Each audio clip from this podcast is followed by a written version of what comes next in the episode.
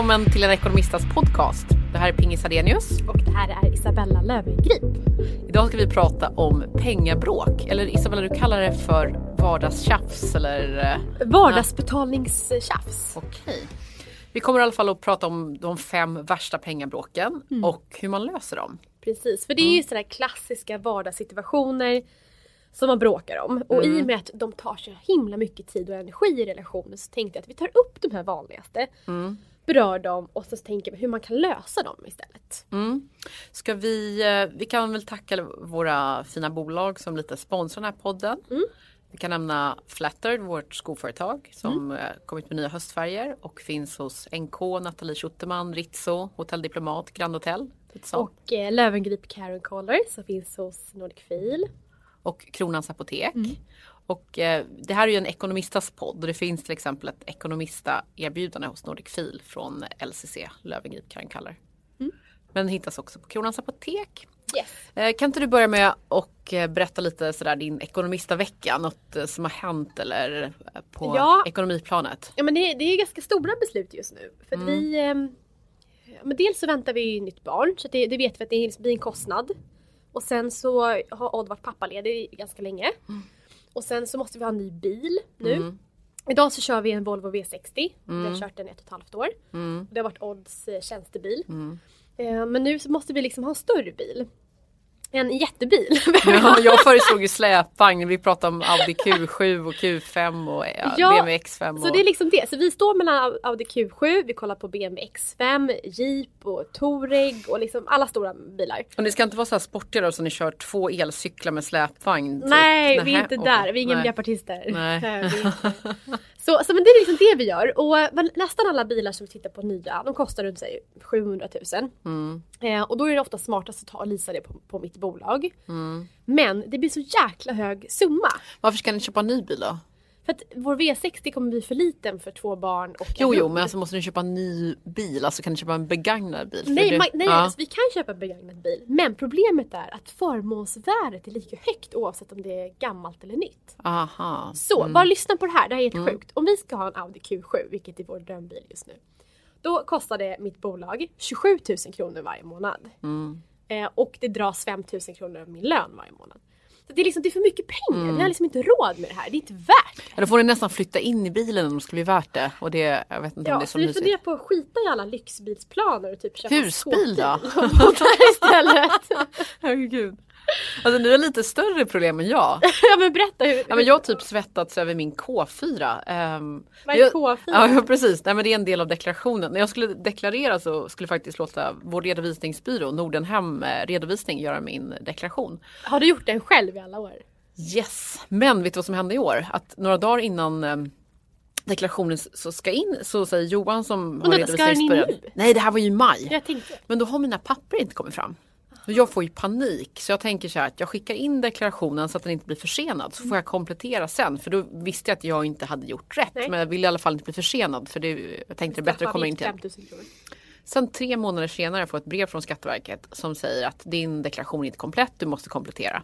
Samma dag kommer brevet med alla mina papper och alla mina underlag som skulle till Nordhem redovisning. Bara, det här brevet har aldrig levererats. Läskigt med så mycket viktiga papper. Ehm, så att jag håller på och svettats eh, med den här redovisningen i helgen. Tills jag fick se att man kunde hitta alla de här uppgifterna. Det är liksom alla aktieförsäljningar. Jag har bara suttit och slitit mitt hår för att få ihop det här. Så hittade jag en flik på min internetbank där man kunde se allting. Ah, Och jag spenderar så mycket tid på det här.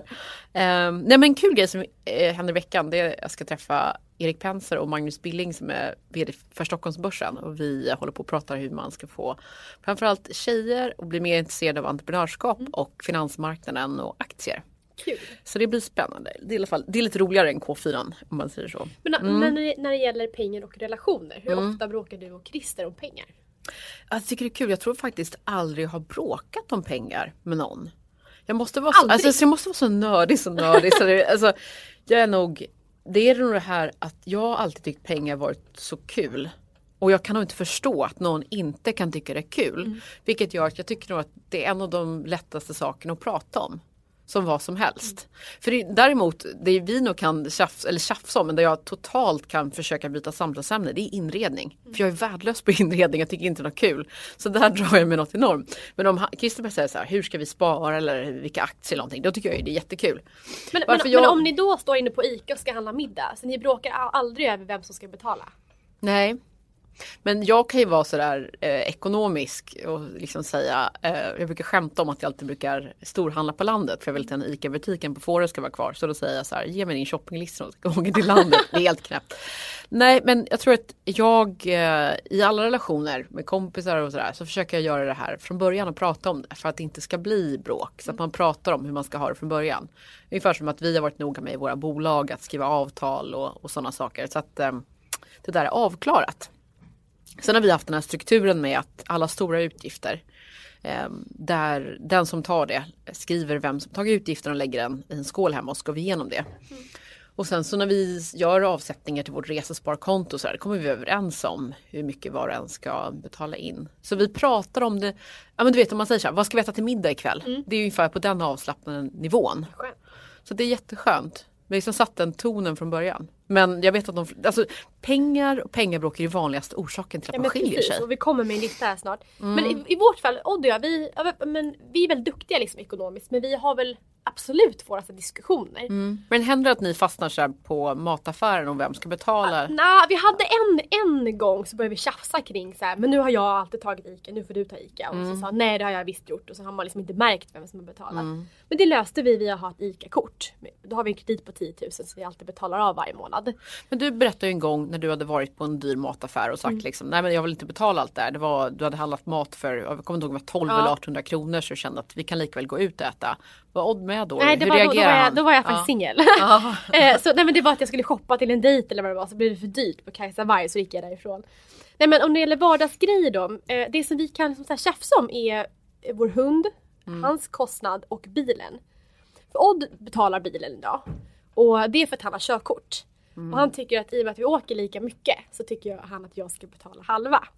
Men hur ser he hela er ekonomi ut? Gör ni så att alla era inkomster samlar ni liksom i en burk höll jag på att säga. Men Nej, en... alltså vi, vi har ju vi har ju nästan samma inkomst varje månad. Mm. Så det vi gör är att vi, vi, vi vi lägger över, alltså vi, vi räknar ihop alla räkningar varje månad. Mm. In på dem på räkningskontot bara 50-50. Så det är väldigt enkelt. Och sen mm. har vi också varsitt sparande.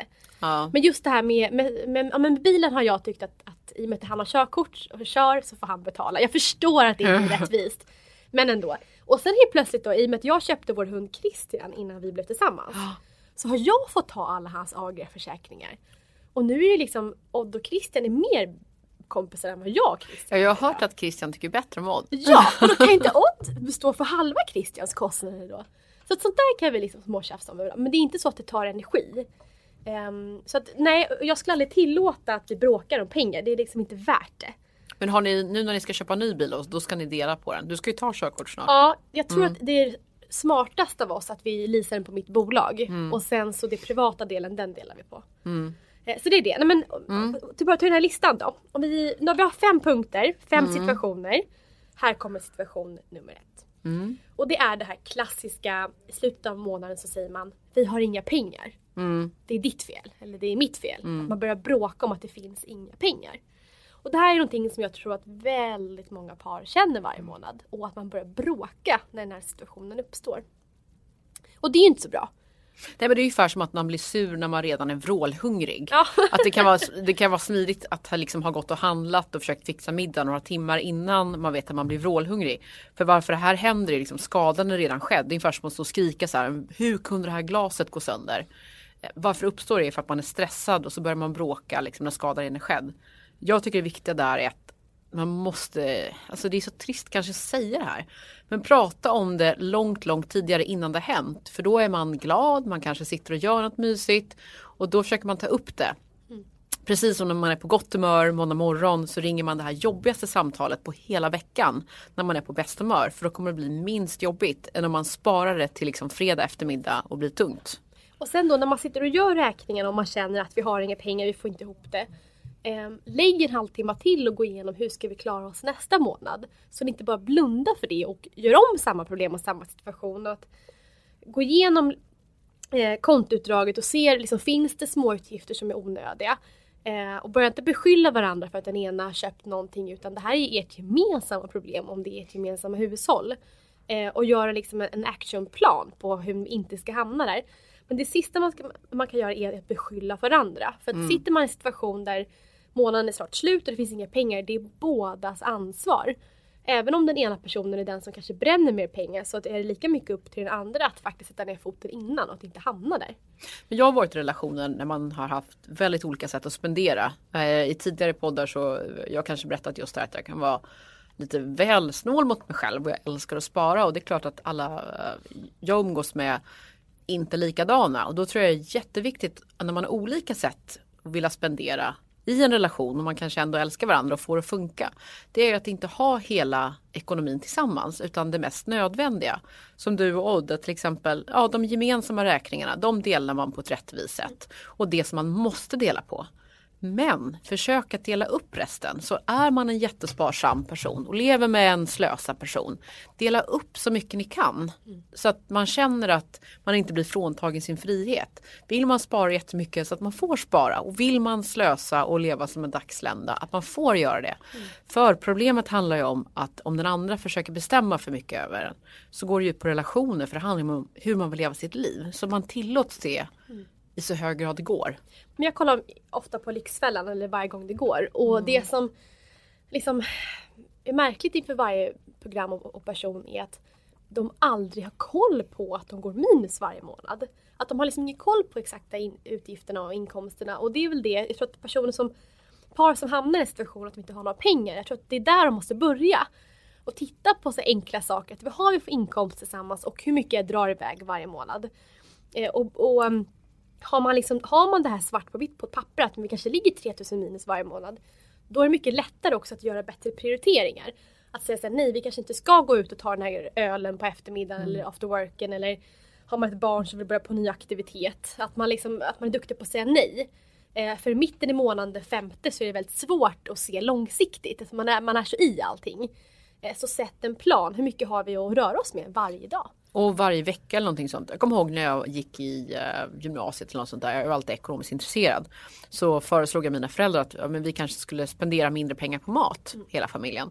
Och vi skulle göra ett test om vi istället skulle börja så här, storhandla som det heter. Så jag började spara kvittona hemma och jämföra med mm. hur det hade sett ut tidigare. Vi kom fram till att det var inte så bra för då åkte jag och pappa iväg och storhandla. Och det ledde till att vi köpte för mycket istället ja. för allting. Vi köpte liksom tre olika sorters kex och allt vad det var. Så vi gick tillbaka till att det var nog bättre att handla på den lokala matbutiken för det fick faktiskt ner våra kostnader. Men jag satt då och jämförde kvitton. Och då kan man ju göra det, spara dem. Det finns ju massa appar för det här idag, typ spara kvittot eller någonting. Så man kan faktiskt kolla vad man spenderar. Och då är det väl också ett tips, vänta inte till sista dagarna i månaden. Utan stämma av det här varje vecka. Men precis och inse det att, att säga att vi har, har, inga pengar kvar i slutet, att det är bådas misslyckanden mm. oavsett hur båda, båda spenderar. Sen kan man ju också göra så att man för över pengar, för mat är kanske det viktigaste.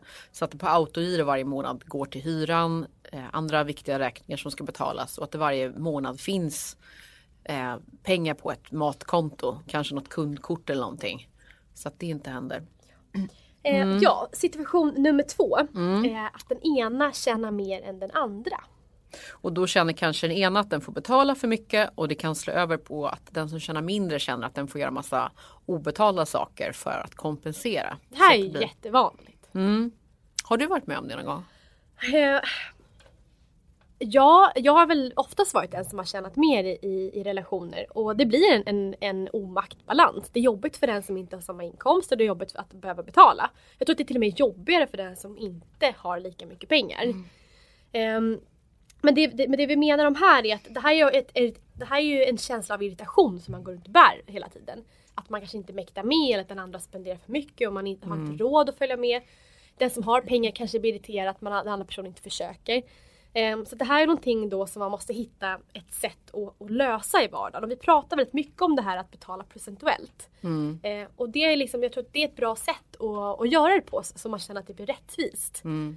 Och kan inte du dra det en gång till hur man ska tänka när man ska betala så? Nej men det är ju för som att man, man jämför hur stor del. Så att om jag får in 10 000 kronor i månaden och eh, min respektive får 20 000 så har vi 30 000 gemensamt så att man slår ihop dem. Och det innebär att av de 30 000 så tillför jag en tredjedel och den andra två tredjedelar. Och då delar man så att jag betalar alltid en tredjedel och den andra två tredjedelar och då blir det rättvist och, och jämnt. Mm. Jag tror också det är viktigt att tänka på i det fallet varför man tjänar olika. Eh, ibland kan det ju vara så, som det kanske oftast är för kvinnor, att en kvinna jobbar deltid för att hämta barnen eller sånt där. Men det är också viktigt att eh, det kan ju vara så att en tjänar mindre för att den vill göra sin dröm eller hålla på med någonting som, som är mindre. Men i det fallet att någon tjänar mindre för att till exempel ta hand om barn eller en hund eller någonting annat. Då är det jätteviktigt att kompensera för det. För vad som händer i många fall är ju att jobbar man mindre så blir det mindre avsättningar till till exempel pension. Och det tråkiga som händer många eftersom ungefär 50% av alla som gifter sig tyvärr skiljer sig. Det är att 10-20 år senare när man eventuellt bryter upp en relation. Då spelar de här obetalda timmarna ingen roll i form av pengar när det väl gäller. Och det kan innebära, och tyvärr är det väl oftast kvinnor som går ner på deltid för att ta hand om barnen. Att ska det vara schysst och rättvist så ska man ta upp de här delarna. Så att är det en som jobbar mer för att den får möjlighet till det, inte för att det är har krävts att det blir så. Man kanske tycker att det är bättre att en jobbar mindre så har vi inte hjälp med barnen eller någonting. Så börja kompensera för det också på ett sparkonto. Så att den som går ner i tid, att den andra justerar det med någon form av pensionsinsättning eller någonting vad man går miste mot jämfört med deltid. För det här blir mycket pengar och det blir en väldigt tråkig sits vid en eh, eventuellt skilsmässa. Så ta upp den biten också för det är så här osynliga pengar som inte syns. Och sen en annan situation och det är när man har en ganska lika lön men sen bestämmer sig den ena för att, att man ska satsa på sin karriär. Att man mm. kanske går tillbaka till skolbänken och man ska skola om sig, man vill göra något annat, man kanske vill driva eget, man ska satsa på något konstnärligt. Och det är också så en investering och jag tror att det är jätteviktigt i en relation att man, att man låter varandra få utvecklas. Har man varit på Gröna Lund så vet man trappan upp mot Lustiga huset. Mm. Och det är en ganska bra jämförelse att man måste liksom hjälpa varandra och, som i relation att, att liksom ta nästa steg. Ehm, men, det, men det också innebär ju också en, en alltså, det, det blir ju ansträngt i en relation om, om intäkter plötsligt går ner. Men det hände en kollega till mig. Han eh, hade varit gift med en tjej som hade läst, jag tror det var till sjuksköterska eller något. Och eh, när hon blev färdig, han hade försörjt henne under den här perioden mer eller mindre. Så vill hon skiljas och han kände sig superlurad och det förstår jag. Mm. För han kände liksom, nu behöver du inte min support längre, nu sticker du. Så att han kände sig både pengalurad och var förstås kärleksförkrossad också. Ja, tufft. Mm. Och då tänker jag också sådär, hur ska man tänka under mm. det här att, eh, hur skulle du tänka om Odd sa såhär, nu vill jag börja plugga igen, nu ska jag läsa till läkare här i fem år. Men, vill man leva tillsammans så har man ju inget val. Så man måste ju bara liksom ta steg tillbaka och se att okej, hur ska vi få ihop det här? Måste vi ha bil under den här perioden? Måste vi resa? Eh, att liksom göra en plan för att få mm. det här att funka. Eh, det viktigaste är att man är två lyckliga personer. Att eh, om den ena personen vaknar och har ont i magen för sitt jobb som man ska gå till varje dag. Det kommer påverka relationen också. Mm. Så jag, jag, tycker att man aldrig får, får vara missundsam mot den andras liksom, vilja och idéer och starta saker och ting. Ja det är så viktigt hela tiden att återkomma, prata med varandra ja, men det, det här. Är det. Och inte känna så att det är fult eller trist att prata om pengar för det hänger så himla mycket ihop med hur man mår och, och livsmål och den biten. Så att eh, se till att det är jämnt oavsett om det handlar om att man gör saker hemma för att kompensera. Eh, så räkna ut vad de här obetalda timmarna är och den som tjänar mer ska betala relativt sett lika mycket som den andra. Yes. Så tjänar man två tredjedelar av den gemensamma inkomsten så betalar man två tredjedelar av räkningarna. Så att det blir schysst. Mm. Eh, vad har vi mer då? Ja, punkt nummer tre. Mm. Och det är det här med dyra hobbys. Mm. Och, här, och nu måste jag liksom vara lite krass och säga att inte det här är ganska manligt. Att, att pappan eller mannen i relationen är den som har dyra hobbys. Att det är golfklubbor och det är teknik. Jo, och sen kan det ju säkert också vara kanske om man har barn att något av barnen har en dyr hobby medan ja. ett barn har en mindre dyr hobby och hur kompenserar man då kanske det mellan barnen? Precis. Det kan ju vara jättestor skillnad. Jag tänkte också på det här med att, eh, du vet när vi har föreläst så brukar vi ta upp eh, vad män och kvinnor har för skulder. Mm. Då är det vanligaste skulderna som kvinnor får är ju shoppingskulder yes. och de vanligaste skulderna som män får är ju spel. Eh, jag lyssnar på en ljudbok nu som handlar om en polis som har spenderat eller bränt upp hela familjebesparingarna på typ en miljon. Mm. Och den det kan jag ju tänka mig. Vad skulle hända om man kom hem och så liksom min man Christer bara, nej men jag har suttit och spelat online-poker på nätterna. Och det är en sak om man är med på. Alltså, nu gör han två. inte det. det. Men det är bara att titta på vad heter han, Jimmy Åkesson för Sverigedemokraterna. han satt ju med sin liksom, fru ja. och spelade 50 000 ja. på en kväll. Det är ju galet. Men då mm. återigen, där är de två jag hoppas mm. att de har koll på sin ekonomi. De verkar ju jättekul. Ja men då, ja. det är deras hobby på kvällen. Ja precis. Men så här är det, är det skapar en irritation att den ena eh, köper dyra golfklubbor och, och, och sen har man inga utrymme för att den andra vill göra mm. saker och ting. Det är klart att det blir inte rättvist. Men man, man också frågar sig, hur hamnar man där? Eh, är man i en situation där man inte har gemensam ekonomi, att man faktiskt har egna sparade pengar. Då får man bränna dem vad man vill tycker jag oavsett om det är köpa glossiga mm. magasin varje månad mm. och köpa snus eller vad det nu skulle kunna vara. Um, så jag, jag, tror att man måste se på lite grann att hur mycket påverkar hobbyn den gemensamma ekonomin? Blir det så att den ena parten inte har råd till att betala eh, vissa räkningar eller gör det ni brukar göra, men då är det väl lite i riskzonen. För då får man prata med personen. Men är det så att den här personen liksom blir glad och lycklig och svävar på moln för att det är så roligt att få spela innebandy varje vecka eller vad det nu skulle kunna vara. Ja, då är det väl värt det. Mm. Det tycker jag också. Men det är jätteviktigt att den personen som känner att de inte har några hobbys alls eller inga dyra hobbys, att man sätter en gräns där också. Så att man inte dras med och typ ska åka med på, vi säger en dyr skidresa fast man egentligen inte gillar att åka skidor eller någonting sånt. Så det är lite upp, återigen man måste prata om det och liksom bestämma att det här är faktiskt din hobby, jag kan inte hålla på och finansiera den. Nej. Och även om jag inte gör något motsvarande då kanske jag sätter in det på ett eget sparkonto för min framtida hobby. Mm. Eller något sånt där. Nummer fem eller? Ska vi gå till den? Det blir fyra. Det ja. blir vardagsbetalningstjafs. Aha, vardagsbetalningstjafs, typ ja. det längsta ordet. Mm. Ja, men det är just de här små gnabben varje dag. Mm. Just, och det kan verkligen vara så att man ska parkera och så är det vems kort ska vi betala med? Eh, så det var jag som drog 20 spänn sist, nej men nu är det mm. din tur. Mm. Eller man står inne på ICA eller man ska gå på bio. De här små summorna hela tiden. Um, och det är skittråkigt och det tar mycket energi. Men handlar inte det där ibland om om man också har hittat rätt. Nu får jag nästan ursäkta att jag säger så. Mm. Men jag har aldrig några problem med till exempel mina nära vänner. Att till exempel man bjuder varannan gång och sådana här saker. Eller som med mina föräldrar. Det, det, liksom, det här med att det jämnar ut sig låter löjligt. Men jag tycker att har man en form av, av känsla om bra relation med någon. Så ska det där inte behöva ske. Nej, det håller jag med. Men jag tror att många generösa personer som, som, som tänker så som du gör kanske eh, stöter på mm. sådana människor som inte är så tillbaka. De som verkligen skriver i svart bok upp varenda krona som man liksom bjuder på. Men då eh. måste man ju nästan, för att bli lycklig med en sån person måste man ju nästan vara likadan själv för att ja. den relationen ska bli lycklig också. Så det hänger lite också ihop med, med ja. personen. Och jag hade ju sånt kompispar för några år sedan. De hade ju på riktigt en varsin svart bok mm. som var svart. och där skrev de upp sådär att nu hade jag tagit en, en kopp kaffe mer. Nu köpte jag en Piggelin till dig. Så det, det, stod liksom 15 kronor, 6 kronor i den här och sen så efter det så tittar de varje månad och sen förde man över. Um, så att, så Men de var väl lyckliga med det också? Ja! Och det tror jag vissa är liksom. Ja. Här har du 20 kronor och så här. Ja. Men då är, då är det bra. Det ja. tror jag är skillnaden är om den ena känner så och den andra inte är så. Mm.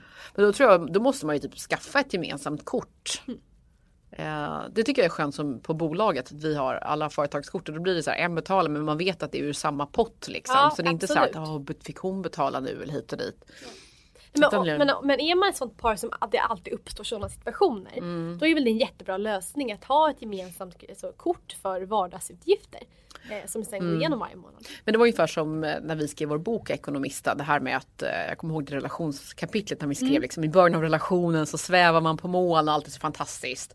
Och sen några veckor eller månader senare så typ snubblar man över hans eller hennes grejer. Och liksom, snus överallt. Det är typ disk och allt sånt där. och det är ju återigen så här som typ måndag morgon man är pigg och fräsch. Att liksom prata om så här, hur vill man ha sin ekonomi och prata så här, hur ska vi dela på ekonomin innan man flyttar ihop så att man liksom inte har flyttat in sin soffa och sen står man där och bara Känns och just samma sak det här att prata inte ekonomi 10 på kvällen. Ni är liksom sena med räkningarna. Ni är trötta, ni vill gå och lägga er. Mm. Låta äcklig middag tillsammans. Nej men det är liksom det är klart att det är båda för tjafs. Ja. Alltså, det blir, blir bara hemskt. Ta upp det i rätt situation. Mm. Det är jätteviktigt när man väljer sina strider också. Ja det tycker jag är jätteviktigt. Ja. Och sen just att det är alltid bådas ansvar. Alltså Mm. lever man som sambo i en relation så är det bådas ansvar. Man kan aldrig skylla på någon. Ja, men sätt in en tid i agendan för att prata om det så vet båda liksom att ja, nu ska vi göra det här. Då vet man att då blir det av och så behöver man inte gå runt och ont i magen för att ta det där och försöka skjuta in det som du säger sent på kvällen precis innan man ska gå och lägga sig. Utan ta det måndag morgon eller lördag morgon kanske bättre. Man har sovit ut, mår bra, är glad och båda vet att man ska prata om det för då, då slipper man tjafset. Intressant. Jag måste nästan så här, se om jag kan få till ett pengabråk någon annan gång. Se hur, se hur det är på riktigt. Okej, ska vi ta kanske Sista. sista här då? Precis, och det är eh, när man bråkar om sparandet. Mm. Och det tror jag också är väldigt vanligt. Att man har olika syn på, på sparande. Men där tycker jag är intressant för sparmål handlar jättemycket om vad man har för mål i livet. Det är ju återigen det här med att, med att pengar är någonting som är en del av livet. Det handlar om hur man vill leva. Till exempel kanske det finns de som är lite mer den här dagsländetypen. Man känner att alla pengar man har som inte behöver gå till räkningar, de vill man spendera på härliga mm, liksom ad hoc-resor, impulsköp, härliga middagar ute. Medan det finns de människor som älskar att äta nudlar sju dagar i veckan för att istället kanske kunna ta en månads semester till något härligt land och kunna dyka eller surfa eller allt vad man gillar. Så att där tycker jag det bäst- bästa är att knyta upp det på vad vill vi lägga våra pengar på? Hur vill vi leva? Och vad kostar det i pengar? För det är där ofta det blir clinch, är det inte? Jo det är det absolut. Och sen också återigen om man ska ha en bra alltså, procent att spara Mm. efter så säger vi 10 procent. Av inkomsten. Mm. Precis, det är liksom ett bra sätt att, att se på hur mycket man ska spara och så håller man sig till det. Och jag och Odd tänker så här att, att spara, först att betala alla räkningar och boende och sånt där, det är liksom det viktigaste. Efter det på andra plats så kommer vårt sparande. Så att vi sparar minst 10% ehm, och har vi pengar över, ja men då kan vi få köpa den här bilen. Då kan vi få börja, börja med den nya aktiviteten och gå ut och äta. Men är det en månad då vi inte kan liksom, spara, eller att, vi, att, att, att vi inte har mer pengar efter sparandet, ja men då sparandet går i första hand. Och, det, och det tycker jag är så viktigt att man hittar en partner som har samma syn på det. Ja, För så brukar vi ofta prata att man kanske står och tänker sig, ah, men ska vi gå ut och äta ikväll? Och så säger man, nej men vi ska åka på en resa eller vi har ju, för vi har alltid som vårt största mål att vi vill spara pengar till resor. Då är det jättelätt att tacka nej. För båda vi vill, jag och min man, att eh, resor är det viktigaste att spara till. Och då är det jättelätt att avstå de här små härliga sakerna. För man liksom ser till det större målet. Så att koppla det till livsmål. Och då kanske man också upptäcker att man är jätte, jätteolika. Då får man försöka justera det på något sätt. Och sen när man då, om man, man, om man börjar dejta en kille, ofta så finns det så frågor som är så viktiga, till exempel hur, vilken syn man har på barn, de politiska liksom, värderingarna. Men det här att hur man ser på sparandet, det hamnar liksom inte i samma placering, vilket är synd. Hade jag, hade jag träffat Odd, allt hade varit fantastiskt men jag märkte att han brände varenda krona varje månad. Eh, på osunt beteende. Alltså det hade aldrig funkat. Jag hade sagt tack och hej till honom då. Jag tror också man måste ha något individuellt. För jag älskar att spara. Så jag har mitt eget, jag har egna avsättningar varje månad. Jag har mina egna aktiesparkonton. Men sen har jag gemensamma saker med min man också. Och vi har framförallt ett gemensamt sparkonto som vi avsätter till. Eh, men jag tycker det är viktigt att för oss att det inte är så att vi ska spara allt gemensamt. För min man vill till exempel ibland ta eh, ganska tycker jag i alla fall, höga risker på finansmarknaden. Och vi tycker lite olika där. Och jag tycker det är så bra att vi inte gör det ihop. Vi köper vissa aktier och sådana saker ihop och vissa inte. Så att det, det blir en, en bra balans. Det tycker jag är viktigt. Ja. Ska vi, jag tänkte bara några, det var de viktigaste tipsen vi hade. Mm. Hoppas ni eh, tar tag i relationen nu och undviker pengabråk. Prata, prata, prata. Ja. Jag ska bara ta lite trevliga ekonomisterbjudanden som vi har också. Så vi har då koden Ekonomista i det här poddavsnittet vad koden Ekonomista ger. Om du vill eh, starta en webbshop eller en hemsida så får du 6 000 kronor rabatt hos Smelink. Det är bra present. Mm. Så gå in på smelink.se eller ring dit om du vill starta en webbshop eller hemsida så ger koden Ekonomista 6 000 kronor i rabatt. Och det innebär egentligen att du får en gratis då. Sen eh, får du 20% rabatt på The Hair Bar i Mod- Modgallerian. Det är bara att hälsa det om du ringer 20% och 10% på Maila, klädföretaget Maila med koden Ekonomista. Bra dealar. Ja, vi kanske ska ha en sån här ekonomista-deal Deal i allting. månad. Ja, Ja, det tycker jag blir, blir jätte, jättebra. Ehm, nästa avsnitt så Det kommer blir sista vi... för, för den här säsongen. Vi ska ha lite höstlov sen tänkte vi. Ja, Ja. och ehm, då kör vi ett fråge och svar avsnitt. Mm. Tack för att ni så lyssnade. bra. Hejdå!